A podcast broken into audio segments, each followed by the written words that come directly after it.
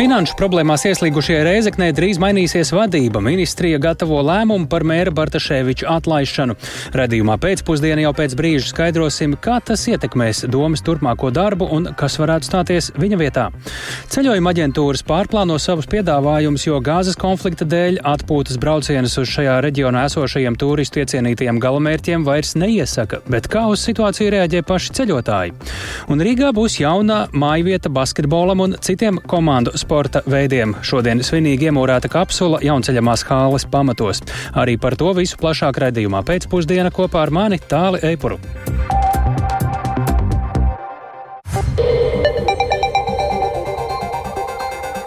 Ir 16,5 minūtes, skan pēcpusdienas ziņu programma, skaidrojot šodien svarīgus notikumus. Studijā Tālis Eipurs. Labdien! Reizeknas pilsētas mēra Aleksandra Bartaševiča atlaišanu tuvāko nedēļu laikā plāno vidas aizsardzības un reģionālās attīstības ministre Inga Bērziņa no jaunās vienotības. Tā viņa pavēstīja raidījumā, kas notiek Latvijā. Lēmums par finanšu grūtībās nonākušās Reizeknas mēra atlaišanu viņa e, ir iecerējis pieņemt tuvākajā laikā, un šobrīd jau ministrijas juristi gatavo attiecīgu lēmumu. Ministra arī prognozē, ka Bartaševičs lēmumu varētu apstrīdēt tiesā.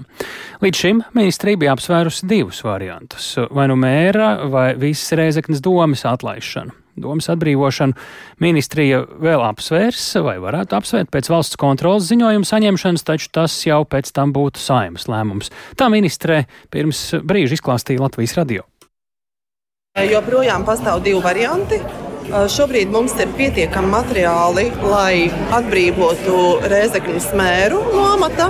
Mēs esam saņēmuši informāciju no Finanšu ministrijas, un Finanšu ministrija ir arī vērsusies tiesību sargājošās instancēs par pārkāpumiem, kur ir izdarījis Rēzekņas mērs. Tāpēc šobrīd Vides aizsardzības reģionālās attīstības ministrijā ļoti skrupulozs darbs tiek veikts pie tiesiskā pamatojuma, lai tas nebūtu sasteigts, lai tas būtu pārdomāts. Tāpēc šis lēmums nav operatīvs, jo viņš ir tiešām rūpīgi jāsagatavo. Jo mēs pieļaujam, ka Rezeknas mērs vērsīsies tiesā, tāpēc arī mēs no ministrijas puses pie tā rūpīgi strādājam. Kas attiecās uz domas atlaišanu, tad tas joprojām ir dienas kārtībā. Atšķirās situācijas, kurā brīdī var atlaist mēru. Var atlaist tad, ja viņš ir kaut ko darījis tieši kā mērs pārkāpis, vai darījis vai nedarījis. Savukārt doma, tad visai domai ir jābūt uh, pierādītam, pieņēmusi pretlikumīgus lēmumus. Šobrīd mums šādu pierādījumu nav. Šobrīd to vērtē valsts kontrole. Valsts kontrole strādās līdz gada beigām. Un attiecībā uz viedokli par domas atbrīvošanu mēs tad uh, lemsim pēc tam, kad būs šis valsts kontrolas ziņojums. Bet, jebkurā gadījumā, varam var iedot tikai priekšlikumu, jo doma atbrīvot var tikai saimnieks. Kad varētu būt sagaidāms šis lēmums par Rezeknas mēra atbrīvošanu? Tuvāko nedēļu laikā. Oktobra beigas, novembris sākums. Tieši tā kā es solīju. Tā vidas aizsardzības un reģionālās attīstības ministre Inga Bērziņa runājot par Reizeknas pilsētas mēra Aleksandra Bartaševiča atlaišanu, kur lēmums varētu tikt pieņemts jau, kā dzirdējām, tuvāko nedēļu laikā. Šobrīd pie redzījuma pēcpusdienu klausulas ir Reizeknas domas opozīcijas deputāts no Latvijas zaļās partijas domē ievēlēts no apvienotā partijas saraksta Jūris Guntis Vjakse. Labdien! Labdien! Kā jūs vērtējat šādu ministres un ministrijas plānu? Nu, visnotaļ samērīgs plāns ir īpaši apstākļus, ka jāizvērtē skrupulozi, jo pazīmes jau laiku atpakaļ bija un ministrs šis ziņojums un šis lēmums noteikti ir pamatots un atbalstāms. Kā jūs secināt, ko jūs secināt no tā, ka izvēle ir kritusi šobrīd par labu tam, ka ir plānots atlaist mēru, nevis visu domu? Nu, tas nozīmē arī jūs. Um, es šo ne, negribētu īpaši komentēt šādā griezumā. Manuprāt, tas ir laika jautājums pēc valsts kontroles ziņojuma, kas būs līdz gada beigām. Tur būs skaidri redzams, uh, ja ir visu deputātu um, līdzatbildība, tad um, mēs esam gatavi arī kā opozīcijas deputāti būt atlaisti. Pēc mēra atlaišanas spēku sadalījums uh, domē paliek tāds pats, tur jau nekas nemainās. Vai un ko mēra atlaišana, eh, vai nu jūs prāt kā viedokļa ziņā, vai arī jums varbūt jau ir pietiekami liela skaidrība un zināšana par to mainīs Reizeknas domē šāda atlaišana, jeb citiem vārdiem, tad eh, kā tas viss eh, ietekmē Reizeknas pašvaldības darbu uz priekšu, ja tuvāko nedēļu laikā ir šāds ministrijas lēmums? Man gribētos ticēt, ka tā tomēr būs cita situācija. Jo šobrīd jau ilgus gadus ir bijusi tāda vienvaldība vai vienvadība, kur mm, arī pozīcijas deputāti ir tā, sekojuši sava līdera un vadoņa nostādījumiem. Kāds tur šobrīd ir balsu sadalījums pozīcijai un opozīcijai? Uh, pozīcija ir astoņas balsis un uh, opozīcija ir piecas balsis. Un tad šobrīd un tas es, ne, tur nekas nemainītos pēc mērā. Viņš jau pats palika deputātos. Es domāju, ka diez vai tā, jo tā būs jauna situācija. Un, manuprāt, arī pozīcijas pārējiem deputātiem ir vērts aizdomāties. Es domāju, viņi to arī darīs par to, kā kopīgi risināt šo situāciju. Tā ir pilnīgi cita situācija, manuprāt. Jums ir uh, tāds viedoklis vai reāls pamats, runājot arī ar daļu opozīcijas vai visu opozīcijas deputātiem, ka kaut kas varētu mainīties? Um, man tas ātrāk ir subjekta viedoklis, Jura Gunta viedoklis, kā nu, viena no deputātiem, bet mēs esam šo jautājumu runājuši ar kolēģiem. Es pieļauju domu, ka uh, šī situācija, kādā mēs esam, uh, arī pozīcijas deputātiem liek domāt, kāpēc mēs tur esam. Jo uh, klāji uh, turpināt tā, kā bija, tas vienkārši nav iespējams. Mums vakar bija domas sēde, kurā atkal kārtējie samazinājumi, atkal kārtējo naudu iztrūkumi. Skaidrs, ka šādi turpināt nevar. Un, manuprāt, tikai kopā liekot galvas, nu, tas ir kaut kā e, labojams. Vai pēc uh, Bartšēča kunga atlaišanas, atstādināšanas juridiski tur pareizi jāformulē, droši vien uh, varētu, jūs redzat, ka ātri vien varētu būt jauns mērs pašvaldībai, vai par to varētu būt vēl pietiekami liela neskaidrība pietiekami ilgu laiku? Es domāju, ka tas nebūs netiks ilgs garumā. Un uh, te jau jautājums, ko vairāk ko domā tieši pozīcijas deputāti. Vai viņi ir uh, tikai uz vienu, vienu vienīgu risinājumu, vai tie risinājumi tomēr viņu galvās arī citi. Es domāju, ka vilkšanas garumā ar mēra ievēlēšanu nebūs, bet tie scenāriji var būt dažādi. Lielas paldies par sarunu. Ļoti vērtīgi Reizeknas domas opozīcijas deputāts no Latvijas zaļās partijas, domē ievēlēts no apvienotā partijas saraksta Juris Guntis Jakse. Nu, ko nopietna finanšu situācija šobrīd ir daudzās citās pašvaldībās. Pašvaldību bāžas gan ir sadzirdētas, jo valsts budžetā ir rasti 7 miljoni eiro, lai palīdzētu 19 pašvaldībām pamatfunkciju nodrošināšanai nākamajā gadā. Tās atrisināšot problēmu, ko Latvijas pašvaldību savienība ir aktualizējusi tieši pēdējo nedēļu laikā. Vienošanās un domstarpību protokolu valdība skatīs nākamnedēļ valdības sēdē, un uz tā būs jābūt arī pašvaldību savienības prieksēžu parakstam, bet vairāk par to var pastāstīt mūsu kolēģis Jānis Kīncis, kurš šodien arī sekoja līdzi Latvijas pašvaldību savienības domas sēdē pēdējais veiks Jāni. Nu, iesākumā atgādini, kādām pašvaldību vajadzībām valdībai tad bija jāatrod papildu finansējums. Turklāt nu, tas jau izskatījās pēc tāda pēdējā brīža risinājuma. Sveiks, tāls, sveicināt radio klausītāji. Jā, jau vēl šonadēļ pirms šī Latvijas pašvaldību savienības uh, domas sēdes notika sarunas ar finanšu ministrijas pārstāvjiem, kuru, kurus tad, tad informēja par to, ka vismaz 17 pašvaldībās, bet kā tas šodien uh, pret, tika precizēts, 19 pašvaldībās nākamgad varētu nepietikt līdzekļu tādām būtiskām lietām kā veselības aprūpe, sociālo pakalpojumu pieejamība, arī drošības pasākumi, tajā skaitā arī paredzētais uzdevums no nākamā gada visās pašvaldībās, eh, visos novados nodrošināt pašvaldības policiju, kā izmaksas vēl pat nav zināmas. Finanšu ministrija šo budžeta nepietiekamību piedāvāja uzlabot ar 2,3 miljonu eiro lielu dotāciju vienreizēju pasākumu nākamajam gadam. Taču šodien domas sēdē premjera Evika Siliņa no jaunās vienotības jau paziņoja, ka šo dotāciju palielinās līdz 7 miljoniem eiro. Un vienlaikus ir rasti arī papildu līdzekļi kādam būtiskam pakalpojumam, pakalpojumam bērniem, kuriem ir nepieciešama īpaša kopšana mājās. Tāpat arī hospisa aprūpas pakalpojumu pilnībā seks no valsts budžeta. Paklausīsimies premjeras sacīto pēc domas sēdes. Mēs palielinājām, ka būs papildus nākamā gadā pašvaldībām tādām ikdienas vajadzībām vēl 7 miljoni pieejami. Tas atbildēs uz 19 pašvaldību nu, pieprasījumu, bet vēl papildus tam būs atbalsts bērniem, kuri ir īpaši slimi, kuriem vajadzīga īpaša kopšana mājās. Un visās pašvaldībās šis pakalpojums būtu pieejams, jo šobrīd nav noslēpums, ka sabiedrība pieprasa šādu pakalpojumu, un ne visas pašvaldības var pienācīgā apmērā un apjomā un arī kvalitātē nevarēja to dot, tāpēc tas atbildētu arī uz mērķētāku atbalsta sniegšanu. Līdz ar to bāzes finansējumā pašvaldībām kopā vēl 5,5 miljonu nāk budžetā klāt. Un tas atvieglotu viņu jau esošo daļu, ko viņi šobrīd maksā. Viena daļa pašvaldība jau sniedz šādu pakalpojumu, tātad šo 30% daļu viņi vēl varētu tērēt citām vajadzībām. Tātad šī draudīgā situācija vairāku pašvaldību budžetos ir izveidojusies vairāku gadu garumā. Tā skaidroja Latvijas pašvaldību savienības priekšsēdis Gins Kaminskis.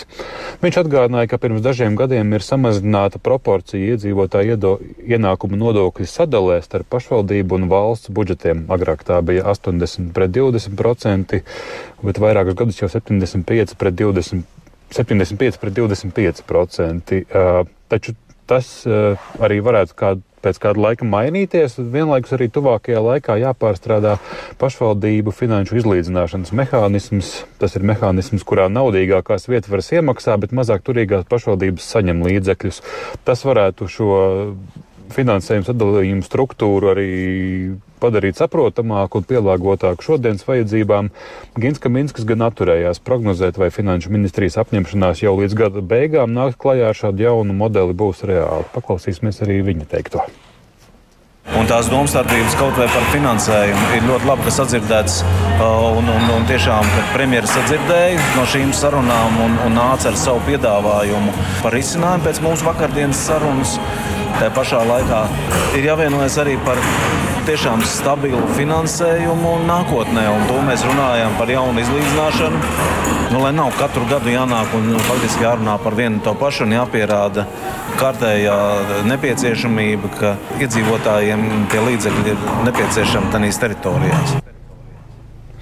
Un šīs dienas sēdē pašvaldību vadītāji arī dzirdēju par citām finanšu ministrijas eh, apsolītajām lietām un risinājumiem, tā skaitā palielināt aizņemšanās limitu vietvarām, tāpat rasts risinājums procentu maksājumu pieauguma mazināšanai. Un galu galā pašvaldības savienības domas sēdē te jau visi klātesošie dalībnieki balsojumā piekrita, ka organizācijas vadītājs šo vienošanās un domstarpību protokolu, protokolu uh, parakstīs. Bet, nu, tas ir nākamās nedēļas jau arī valdības sēdes jautājums, kurā tātad uh, izteiksies ne tikai pašvaldība, bet visplašākā, tātad, visplašākā jomu pārstāvji tātad, par šo nākamā gada un nākamo trīs gadu budžeta plānu. Tāli. Paldies, Jānis Kīncis, runājot par pašvaldību finanšu situāciju, kur valdība ir atradusi 7 miljonus, uh, lai to risinātu un pašvaldības varētu sekt uh, savas uh, pamat lietas, kas jāizdara. Bet nu par kādu jaunbūvējamu objektu Rīgā. Jaunceļamās komandu sporta spēļu hāles pamatos Rīgā Krišāņa barona ielā 99C. Šodien svinīgi iemūrēta kapsula ar vēstījumu nākamajām paudzēm, un hāle būs mājvieta basketbolam un daudziem citiem komandu sporta spēļu veidiem, un tā iekļausies Daugavas stadiona kompleksā. Kāpēc šāda hāla ir vajadzīga, kad to varētu atklāt un cik tā izmaksās, to jau tūlīt mums ir gatavs izstāstīt kolēģis Mārtiņš Kļavinieks. Viņš mums pievienojas studijās. Sveiks, Mārtiņ! Tā vieta 99C baronielā, tas, es skatījos kartē, ir aiz eh, Rīgas skolēnu pils apmēram pie Daugavas sporta nama, tur apmēram. Sveiks, tāls, sveicināt klausītāji. Pilnīgi precīzi, jā, tā arī ir, un eh, klausītājiem varētu rasties jautājums. Daugavas stadions tas taču pietiekam tālu. Pusotrs kilometrs izmērījā. Kā tas var būt uh, Daugavas stadiona šajā kompleksā, bet nu, tas ir zem viena tāda valsts institūcijas jumta. Juridiskais komplekss. Nacionālais sports centrs, jā, un arī relatīvi netālu, tāpēc arī iekļauju šajā mm. te, um, kompleksā, jā, tā arī ir. Labi, izstāst tad uh, šīs halles, jaunceļamās halles vēsturi, kā līdz tai vajadzībai un celšanai arī nonāca, kāpēc to vajag? Jā, nu, principā, nu, tas, tā, tā vajadzība jau uh, ir diezgan ilga. Zinām, ka Rīgā ir problēmas ar uh, infrastruktūru komandas sporta spēļniekiem, ne tikai basketbolisti ar to saskars, bet, nu, Basketbola savienība ir nolēmusi pēc 2015. gada Eiropas čempionāta fināla turnīra atceries grupa grupas izspēle notika arī Rīgā. Viens grupas izspēle no biļešu ieņēmumiem, no iegūtās peļņas, nevis šo peļņu kaut kur iztērēt citur, bet ieguldīt, lai projektētu savas basketbola mājas, kur dzīvos basketbola savienība, basketbola izlases, tur viņi turēs savu inventāru, tā tālāk. Gluži kā tagad Latvijas hokeja izlasē Daugavas hallē pie Daugavas stadiona. Un tur būtu arī spēles izlases, vai tās tomēr būtu lielākās? Spēles tur būtu, treniņi tur būtu, jā, un tā, tā, tāda bija tā iecerē, bet nu, tad uh, tomēr pašiem skaidrs, ka Basketbola savienībai tāda līdzekļa, lai uzbūvētu šo celtni, nav, tika vēr, viņi vērsās pie valsts, un tad beig beigās tas viss ir rezultējies šādā projektā, mm, kas tātad, jā, tiks celts pie Daugavas sporta nama, un, un kāpēc hāla nepieciešama, jo Rīgā, kā jau minēju, ļoti trūkst infrastruktūras mm -hmm. un izglītības un zinātnes ministra Andi Čakš no jaunās vienotības šodien Latvijas radio vairāk pastāstīja, kāpēc šī hāla ir vajadzīga. Es varbūt ne tik daudz no izglītības uh, sistēmas viedokļa, bet uh, izglītības ministrijas viena no politikām ir sporta politika. Un, uh, ja mēs raugamies uz šo komandu sporta hāli, tad tas ir viens par sportu, otrs ir par bērnu un jauniešu fiziskām aktivitātēm, arī par sporta komandu iesaisti. Infrastruktūra vienmēr ir svarīga, lai mūsu jaunieši vairāk nodarbotos ar sportu, nevis varbūt ar, ar dažādu atkarīgu vielu lietošanu. Un otrs, lai viņi var sekot līdzi arī sporta spēļu norisei, motivēties. Šobrīd infrastruktūrā būtībā mēs neesam pārāk daudz investējuši. Es teiktu, noteikti no tādas infrastruktūras viedokļa būtu vajadzīgas vairāk sporta vietas. Tieši Rīgā, reģionos varbūt tas ir pat vairāk sabūvēts. Jā, tālāk Anta Čakša, izglītības un zinātnes ministre. Nu, jā, ļoti vajadzīga šī hāla. Tā tad ir ne tikai Rīgai, arī visai Latvijai. Kāds plāns, cik ilgi šo halu varētu celt, kad tur tiešām varētu jau tā sākt eh, darboties, un galvenais, kas to apsaimniekos un lietos arī? Jā, nu, tātad šobrīd uh, pamati ir ielieti, arī kapsula, kā jau tu minēji, iemūrēta, bet uh, jāpabeidz līdz nākamā gada 4. ceturksnim, tātad ap šo pašu laiku nākamgad. Um, gada beigas, tātad aptuveni gads ir būvniekiem dots, lai uzceltu šo hali, uh, būvēs tātad aptuveni gadu, nu, un kas apdzīvos, jā, kā jau minēja, basketbolisti, mm -hmm. arī citu sporta spēļu komandu spēlētāji, telpu futbols, handbols, flora florbols, iespējams volejbols.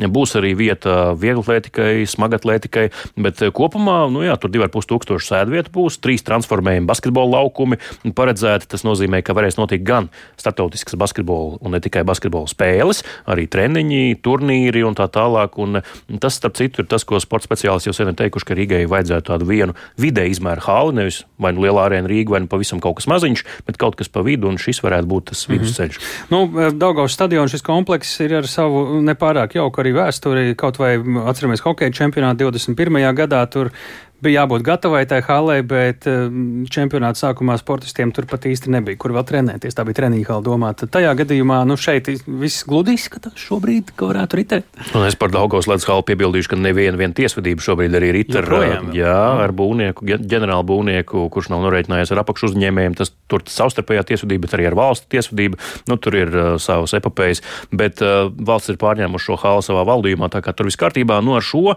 tur bija, kad Basketbola savienība sāk sākotnēji to ideju mēģināja mm, iznest gaismā, tad tur bija Rīgas doma savas uh, nesaprašanās par to zemi piešķirs, nepiešķirs, būvēs tur bērnu dārzu vai tomēr ļaus būvēt šo hāli. Nu, tagad beig beigās viss ir atrasinājies. Nu, vienīgais starpgadījums vai ne starpgadījums vai šķērslis šajā būvniecības procesā ir tas, ka pagājušajā gadā izsludināja šo iepirkumu. Tad bija paredzēta 13 miljoni valsts naudas, lai šo hālu uzceltu. Skaidrs, ka gadu laikā ir ievērojams sadārdzinājums. Nu, 20, 21 miljonus ir. Sadārdzinājums sanāk? Nu, aptuveni trešdaļa, tā varētu teikt. Nu, varbūt pat vairāk, bet jā. jā, diezgan daudz. Līdz ar to, bet Daniels Nātiņš, arī Latvijas Nacionālā sporta centra direktors, arī nedaudz vairāk pastāstīja par šo jaunceļamo hālu Latvijas radio. Bet šis tādā mūsu tādā uh, kompleksā ir ļoti būtisks objekts, uh, jo viņš nodrošina to komandas sporta spēju sadaļu tieši. Un šeit ir plānots arī aizvadīt uh, treniņu procesu Eiropas 2025 un uh, daudzos citos arī cerams uh, starptautiskos uh, turnīros. Šeit norisināties arī kultūras pasākumu, dažāda veida koncerti ļoti iespējams, jo būs aptuveni 2000 sēdvietas un iespējams to halu arī pielāgot, salāgot dažādiem citiem pasākumiem. Jā, tālāk Daniels Nātriņš, Latvijas Nacionālā sporta centra vadītājs. Tā tad redz, kā es te stāstīju par sportu, visu kaut ko, bet ne tikai sports, arī kultūra dzīvos šajā Jā, halē. lūdzu. Jā, nu, kā Daniels Nātriņš teica, varēs Jā. arī kultūras pasākums rīkot. Nu, cerams, Koncerti. Ka un... Cerams, ka tā jauna vieta koncertiem taiskaitā. Paldies Mārķiem Gļavniekam. Tātad, iespējams, jau pēc gada, vismaz plāns tāds ir, Rīgā šī ēka būs gatava, bet par kādu citu ēku, kurai, kura jau ir ļoti sen savā vietā, bet kurai šobrīd vajag ļoti naudu stūramāju. Bijušo Čekas cietuma ēku stābu un brīvības ielas stūrī kā turismu objektu izlemts saglabāt arī pēc nākamā gada 7. māja kad uh, vismaz šobrīd, ja nekas nemainītos, tad uh, draudētu šim objektam slēgšana. Tāpēc tikšanās ar kultūras ministru Agnes Loginu no progresīviem Latvijas radio paziņoja okupācijas muzeja direktors Olvita Vība. Kā tad tiks risināts šis jautājums un kāda ir ēkas un tur iekārtotās okupācijas muzeja ekspozīcijas situācija šobrīd? Klausāmies Ievas puķes sižetām. Stūra mājā šodien ir parasta darba diena. Samērā daudz turistu. Ekspozīcijas telpā viņi lasa informāciju par šo ēku. Ekrānā griežas video rullīts ar ieslodzīto atmiņām. Satieku puikas no Spānijas, bet Aleks atbraucis no Anglijas. Apmeklējot šādu vietu, ir svarīgi iemācīties mazliet vairāk par vēsturi. Tas tev dod vairāk konteksta, kad tu staigā šeit pa ielām. Tu vari saprast, kas šeit varētu būt noticis. Mēs Anglijā Latvijā daudz mācāmies par savu vēsturi, bet krietni mazāk par Baltijas. Jā, šāds muzejs ir svarīgs izglītošanai gan viesiem, gan vietējiem. Ir labi arī, ka tas ir bez maksas. Mēs gaidījām, ka būs jāmaksā. Uzzinājis, ka esmu ieradusies stūra mājā, jo šodien kultūras ministrijā notiek kārtēja apspriede, vai tai būtu arī pēc 7. maija, kas izziņots kā iespējama okupācijas muzeja pāraudzītās ekspozīcijas slēgšana, turists brīnās, tiešām tas taču ir tik nozīmīgs objekts. To atzīst arī okupācijas muzeja direktors Solvita Vība. Interese saglabājas, interese ir ļoti liela. Tātad Covid laikā, protams, bija šis kritums, jā, bet uh, tagad apmeklētāju plūsma ir atjaunojusies un šogad līdz šim brīdim um, stūra māja ir apmeklējuši 40 110 apmeklētāji. Taču jautājums par okupācijas muzeja ekspozīcijas stūra māju aizvēršanu viesiem aktualizējās jau drīz pēc 2014. gada, kad tā vēra durvis apmeklētājiem. Ēkas beidīgā tehniskā stāvokļa dēļ. Ziemā tai nepieslēdz apkuri, biroja telpās darbinieki sildās ar sildītājiem, bet viesi stundu garo ekskursiju pavada augstumā. Šo pēcpusdienu kultūras ministre Agnese Logina no progresīvajiem tikās ar Solvitu Vību, lai pārunātu sasāpējušo jautājumu par finansējumu. Neatliekamo darbu veikšanai stūra mājā šobrīd nepieciešami 847 tūkstoši eiro. Pagraba pārseguma remontam un valsts ugunsdzēsības un glābšanas dienesta konstatētās bīstamības novēršanai, kas saistīta ar automātisko ugunsgrēka atklāšanas un trauksmes signalizācijas sistēmu. Vība jau iepriekš norādījusi, ka ministru kabinetā ir iesniegts kultūras ministrijas sagatavot sagatavotais informatīvais ziņojums par nama tehnisko stāvokli un neatliekam veicamajiem darbiem. Tāpat ir sagatavots ministru kabineta rīkojuma projekts par šīs summas piešķiršanu no valsts budžeta programmas līdzekļu neparedzētiem gadījumiem. Šodien izdevies vienoties, ka kultūras ministrijai šīs summas sagādāšana būs prioritāte. Tā tiek pieprasīta, ir šis ziņojums ministru kabinetam sagatavots par šo neatliekamā finansējuma nepieciešamību, un es domāju, nu, ka tālāk, nu, tuvākajās dienās par šo jautājumu jālēm jau gadsimta beigām. Solvita Vība gan skaidroja, ka apmeklētājiem atvēlētajās telpās signalizācijas sistēma darbojas jau šobrīd, un par to nesot jāuztraucās. Un arī bīstamais pagraba pārsegums ir pagalmā, kurš tagad ir slēgts apmeklētājiem. Tomēr valsts nekustamajiem īpašumiem, no kuriem okupācijas muzeja biedrība īrē telpas, šīs lietas ir jārisina, un tie varēs sākt darbus, kad vajadzīgā nauda būs pieejama bet okupācijas muzejam kultūras ministrijas apsolījums ļaušot sākt darbu pie jaunās ekspozīcijas. Ieva Puķa, Latvijas radio. Nu, te jāatgādina, ka par ekskursiju čekas pagrabos gan turistiem ir jāmaksā par brīvu izstādi pirmajā stāvā, bet pēc tikšanās ar okupācijas muzeja vadītāju vaicājām arī kultūras ministrei Agnesē Loganai, kāds ir viņas redzējums gan par īstermiņa risinājumu līdz jau izskanējušajam 7. mājam, gan par to, kādai jābūt stūra mājas nākotnē ilgtermiņā. Šobrīd mums ir tiešām nepieciešams atrast vairāk nekā 800 tūkstošus eiro, lai nodrošinātu, ka stūra māja var turpināt darbu pēc 7. Uh, maija. Šīs vajadzības ir saistītas ar ēkas ugunsdrošību un tātad iespēju ēku droši apmeklēt. Mēs no ministrijas puses un es kā kultūras ministre redzu to, ka stūra mājas darbība ir ārkārtīgi būtiska prioritāte. Mums ir jānodrošina šīs vēstures vietas, atmiņas institūcijas darba nepārtrauktība. Un uh, esmu gatava par to runāt ar valdības kolēģiem, cerot un meklējot adekvātu risinājumu. Mēs šodien tikāmies ar uh, okupācijas muzeja direktoru Solvitu Vību, noskaidrojām arī viņu plānus un idejas Tālāk es par šo runāšu ar valdības kolēģiem. Jā. Es tātad redzu, ka šobrīd mums ir šis jautājums jāsadala divās daļās. Mums no vienas puses ir jānodzēš ugunsgrēks, ir jāatrisina šī pirmā situācija, kas, kas ir saistīta tiešām ar stūra mājas darbības nepārtrauktību. Nākamais jautājums tiešām ir saistīts ar um, ēkas uh, kopējo nākotni, bet es gribētu, ka mēs šos jautājumus uh, neskatām vienā reizē, jo tas mums sasaist rokas. Šeit tiešām divus gadus nav notikusi nekāda virzība. Iepriekšējās idejas tika pārtrauktas, vienlaikus netika atrisināts uh, šis jautājums pēc būtības, tāpēc šī ir vēl viena struktūrāla problēma, ar ko es saskaros, kas, eh, kas tagad ir uz mana galda un kas ir jārisina. No manas puses, lai vai kādas modelis uh, sagaida šo ēku nākotnē, stūra mājas ekspozīcijai tur ir jāpaliek. Un tas ir tas, kas ir obligāti jāpatur un uh, kam tur ir jābūt. Par to nevar vispār būt jautājumu un šaubu. Par pārējo ēkas piepildījumu tur tiešām ir jārunā ar uh, valsts nekustamiem īpašumiem, kas atbild par šo ēku, tātad arī ar finanšu ministriju, citām iestādēm, kur potenciāli var ies, iesaistīties šī jautājuma risināšanā. Un uh, šīs diskusijas uh, esam pagaidām ieskicējuši, ka tādas ir vajadzīgas, bet nu, tas pirmais uzdevums tiešām ir atrisināt uh, tūlītējās vajadzības. Tā kultūras ministra Agnese Logina dienās, kad uh, tiek spriests par stūra mājas nākotni, bet lai Latvijā nekad neatgrieztos tāda laika, kāda bija stūra mājas vēstures tumšākajos brīžos, ļoti nopietni jādomā par šī brīža drošību, starptautisko drošību, un Eiropa šobrīd piedzīvo tiešām ļoti izaicinošus laikus, un tie ir piespieduši Eiropieši pārvērtēt līdzinējo attieksmi pret savu drošību. Tāpēc jau pie jau paveiktā ir vēl ļoti daudz jādara, lai Eiropa kļūtu par spēcīgāku spēlētāju uz globālās skatos. Lūk, šādi ir pirmie secinājumi no diskusijām drošības un starptautiskajai politikai veltītajā formā Rīgas konference. Tā šodien sākās Latvijas Nacionālajā bibliotekā, un tur šobrīd atrodas arī Latvijas radio žurnālists Ulris Čeizbergs. Sveiki, Uldi! Kādi līdz šim ir svarīgākie secinājumi, kas ir izskanējuši konferences diskusijās. Mēs zinām, šeit piedalās augstas amatpersonas, gan arī pasauli atzīti drošības politiku un starptautisko attiecību eksperti. Lūdzu, Uldi. Jā, labdien!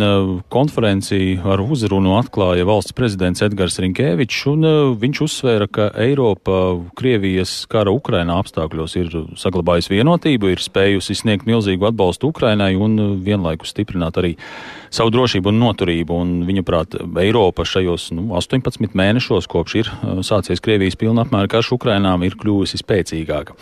Rinkēvičs arī norādīja, ka rietumiem, rietumiem pašlaik ir jātiek galā ar diviem nopietniem izaicinājumiem, jo bez uh, jau mums zināmā Krievijas kara Ukrainā bažas rada arī Izraels karš ar teroristisko organizāciju Hamas, kas var pāraukt plašākā reģionālā konfliktā. Pašā konferences ievadā klātesošos uzrunāja arī Eiropas Savienības iekšējā tirgus komisārs Thierry Bretons, kurš atzina, ka Eiropa līdz šim atvēlēja pārāk maz līdzekļu savai aizsardzībai, bet pēc Krievijas pilnā apmēra iebrukuma Ukrainā Eiropieši beidzot attapās, nu, ka drošība ir tas, kurā ir jāiegulda daudz, daudz vairāk, un Bretons arī izcēla jaunizveidoto Eiropas aizsardzības fondu, kura mērķis būs stiprināt militāro rūpniecību un pētniecību aizsardzības jomā. Nu, tāpat Eiropas komisija aktīvi strādās ar Eiropas Savienības dalību valstīm, lai vienotos par jaunu aizsardzības industrijas stratēģiju. Bretons arī uzsvēra, ka Eiropa var kļūt par uh, ģeopolitiski ietekmīgu spēku tikai gadījumā, ja tā spēs sevi pilnībā apgādāt ar militāro aprīkojumu. Un Bretons solīja, ka Eiropa turpinās atbalstīt Ukrainu, un viņš esot arī pārliecināts, ka arī ASV pārvarēs šīs iekšējās politiskās nesaskaņas un tuvākajā laikā apstiprinās uh, papildu militāro palīdzību Ukrainai. Nu, savukārt Latvijas ārlietu ministrs uh, Krišāns Kariņš norādīja, ka Izraels karš ar Hamas ir novērsis pasaules mediju uzmanību no Krievijas kara Ukrainā, taču nu, politiķu fokus gan nedrīkst no turienes pazust, jo Krievijas agresija Ukrainā, kā mēs zinām, joprojām turpinās un tur turpinās frontē ļoti smagas cīņas. Bet eh, pirmā paneļa diskusija bija veltīta Eiropas drošības nākotnē ģeopolitiski arvien nestabilākā pasaulē, un arī šajā diskusijā tika uzsvērts, ka Krievija tērē arvien vairāk līdzekļu militarizācijai, kas liecina par tās gatavošanos uh, karām pret Eiropu, un tāpēc Eiropai ir jāstiprina savas atturēšanas spējas, lai kaut kas tāds nenotiktu. Un nu pat ir noslēgusies diskusija, kurā Latvijas aizsardzības ministrs Andris Sprūts un Igaunijas aizsardzības ministrs Hanno Pevkurs apmainījās ar viedokļiem par to, kas tad būtu jādara, lai stiprinātu NATO austrumu austrumu flanga dalībvalstu aizsardzības spējas, ņemot vērā, ka Krievija nu, vēl ilgstoši būs uh, tas drauds numur viens šim te reģionam. Tālī. Jā, Uldi, kādi temati vēl tika apspriest Rīgas konferencē bez jau šiem Jā, šodien tiks diskutēts arī par eh, pēdējos NATO samitos Madridē un Viļņā pieņemtajiem lēmumiem. Tāpat arī tiks spriest par to, kas tad būtu jāpieņem nākamgad eh, NATO samitā Vašingtonā. Tāpat tiks spriest arī par Krievijas imperialismu, digitālo autoritārismu un citiem eh, tematiem. Rīt konference turpināsies un diskusijās tiks spriests par uh, visaptverošu stratēģiju Ukrainas drošībai, uh, par to, kā notiekošais Indijas un Klusā okeāna reģionā ietekmēs transatlantisko kopienu, tātad arī Eiropu, un uh, to, vai Eiropas ekonomikai būtu jāpielāgojas ilgstošam karam. Un arī piebildīšu, ka starp citu šīs diskusijas var vērot tiešraidē Rīgas konferences Facebook kontā un tāpat arī video apmaiņas vietnē YouTube. Tā kā visi, kam interesē šīs šīs diskusijas eh, laipni lūgti klausīties. Paldies Uldījiem Ķezberim, tā tiešām ir īpaša iespēja, jo eksperti un amatpersonas ir visaugstākā līmeņa šajā notikumā, un signāli un viedokļi ļoti svarīgi turpmākajai Eiropas drošībai. Bet eh, konflikts Gazā ir reiz par drošību runājumu un tās ietekmi, tad uh, arī iespējamā kardarbība, kas varētu diemžēl arī ir bažas, ka varētu izvērsties plašāk. Šajā reģionā ir ietekmējusi arī apkārtējās valstis, kuras līdz šim ir bijuši iecienīti turismu un atpūtas galamērķi. Šobrīd reģionā nestabilās situācijas dēļ nav ieteicams apmeklēt ne tikai Izraēlu, bet arī tās kaimiņu valstis. Ir ceļojuma aģentūras, kuras pārplāno turpmākos piedāvājumus, bet kā uz situāciju reaģē paši ceļotāji, to klausieties Paulas Dēvices ierakstā. Alīna ar ģimeni šobrīd atrodas Šarmelšeihā, Eģiptē. Kā zināms, Eģipte robežojas gan ar Izrēlu, gan Gazas joslu, kur šobrīd notiek kara darbība. Alīnas ģimene Eģiptē ieradās šodien, dienā, kad ārlietu ministrija publiski aicina iedzīvotājus nedoties uz Izrēlas kaimiņu valstīm un arī Turciju. Tomēr Alīna Latvijas radio skaidro, ka ceļojums bija ieplānots jau sen.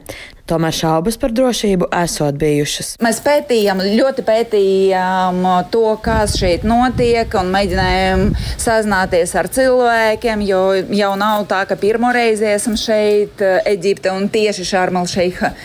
Un, nu, teiksim tā, mēs dabūjam ļoti pozitīvas atsauksmes par to, ka tomēr pašlaik viss ir ļoti, ļoti droši un nekas nav mainījies.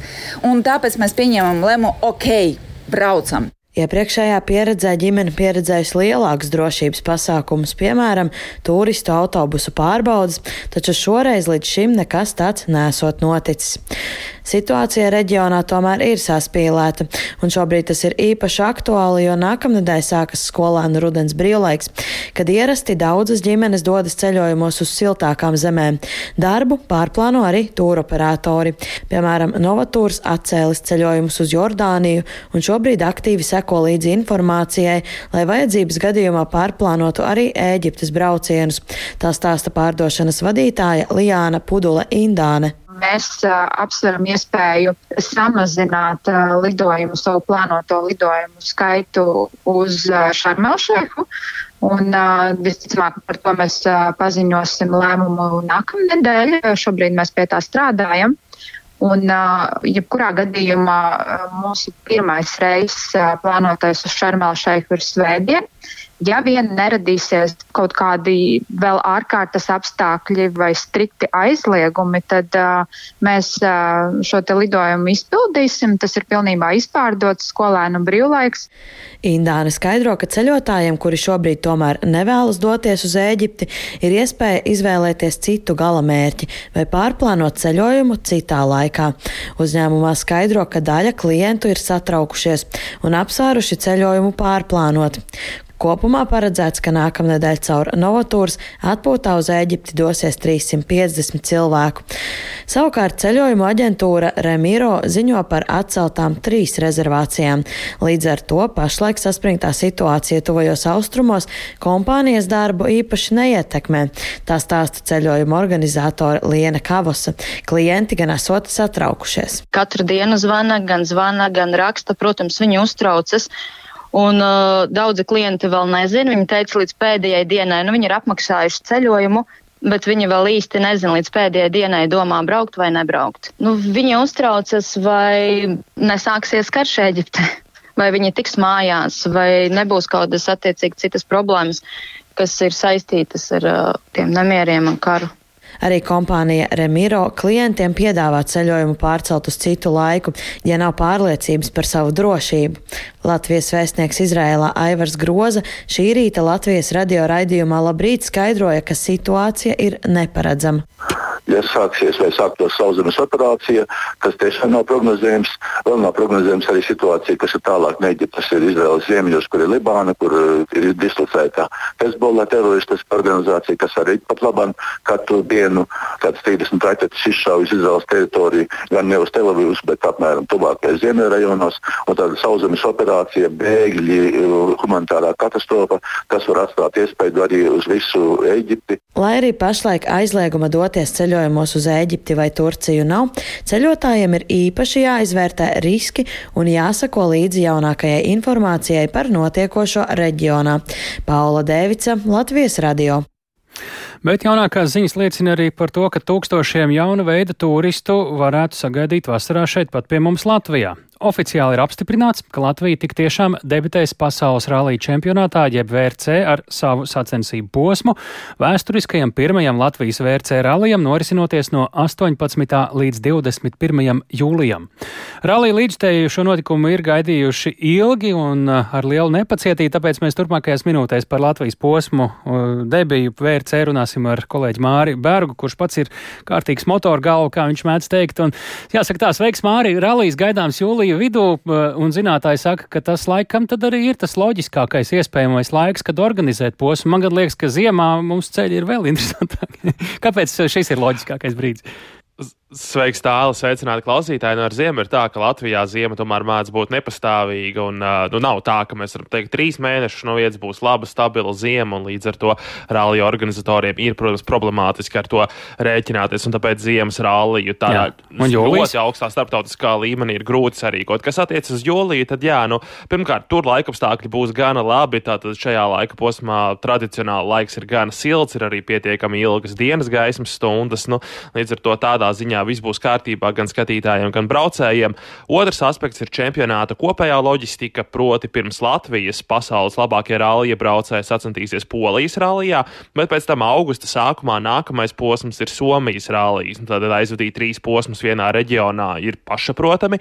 Un trešais ir arī kopējais sporta pasākumu kalendārs nākamgad. Vasarā notiks Eiropas čempionāts futbolā, kas finišēs jūlija pirmajā pusē ar finālu, un mēneša beigās jau sākas Parīzes Olimpiskās spēles. Līdz ar to Latvijas posma rīkotāji ir pacentušies, lai rallijas nepārklātos ar šiem tiešām ļoti lielajiem pasākumiem, kas nākamgad būs neapšaubāmi galvenie sporta notikumi.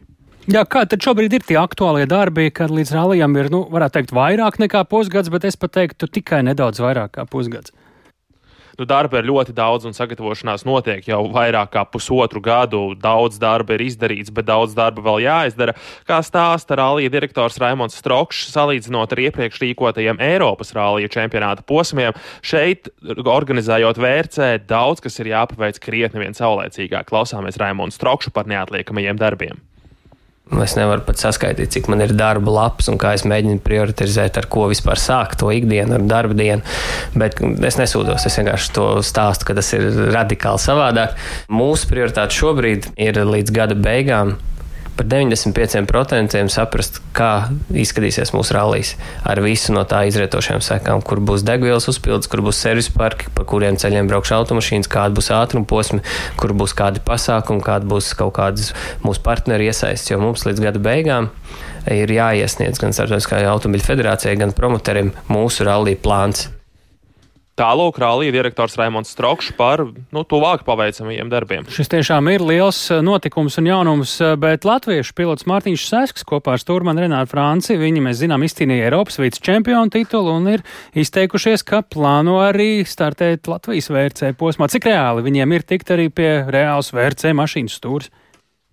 Nu, iespējas noteikti ir, un tieši pašas ekipāžas parādītais sniegums Grants rallijos šajā sezonā ir labs arguments iet un runāt ar VRC komandām, jo, protams, eh, latviešu ekipāži grib tikt pie ātrākajām rallija viens klases mašīnām, kas var cīnīties par uzvarām visā rallijā. Procesā, lai tas viss no sapņa materializētos latviešu ekipāžā ar konkurētspējīgu tehniku iesaistījies arī pats Strokšs, un viņš atklāja, ka procesi pamazām virzās uz priekšu. Klausāmies Raimonu Strokšu. Mārtiņa forma. Tas ir viennozīmīgi tas, kas mums ļoti palīdz. Viņš ir ārkārtīgi labā formā, līdz sevišķi uz šiem grandu segumiem. Komanda interesē. Es daudz šobrīd nevaru par to projektu minēt un runāt, teiksim tā, un visu stāstīt, kas notiek, bet interesi ir no visām iesaistītajām pusēm, un es tiešām saku no visām iesaistītajām pusēm. Un es domāju, ka mēs pareizi tos kauliņus sabīdīsim, mums tā izdosies realizēt. Jā, redzēsim, protams, vai izdosies realizēt. Protams, uz to arī ceram un novēlam. Tas, Tāli. protams, arī nozīmē pavisam cita līmeņa līdzstēju interesi, ja ar VRC mašīnu, VRC posmā brauc arī Latvijas pilots. Lielas paldies! To mēs sakām Mārim Bergam un atgādinām, ka šodien oficiāli apstiprināts, ka Latvijā tik tiešām debitēs pasaules rallija čempionātā, jeb VRC ar savu sacensību posmu, un tas plānots no 18. līdz 21. jūlijam. Jūs klausāties raidījumu pēcpusdienā, to veidojām mēs tāls Eipurs, Ilze Aginta, kā arī Uldis Grīmbergs, Rita Karnača. Nu, ja vēlties šo pārraidi noklausīties sev vērtā laikā, nedzirdējāt visu, vai vēlties ieteikt arī kādam citam to noklausīties, Latvijas radio mobilajā lietotnē tā tūdaļ jau arī būs pieejama, un tur var to, ar to var arī dalīties, un jāmeklē ir dienas ziņas. To var meklēt arī lielākajās raidierakstu platformās. Mēs tiekamies kā katru darbdienu pēc četriem un piecām. Tas nozīmē līdz pirmdienai. Yeah.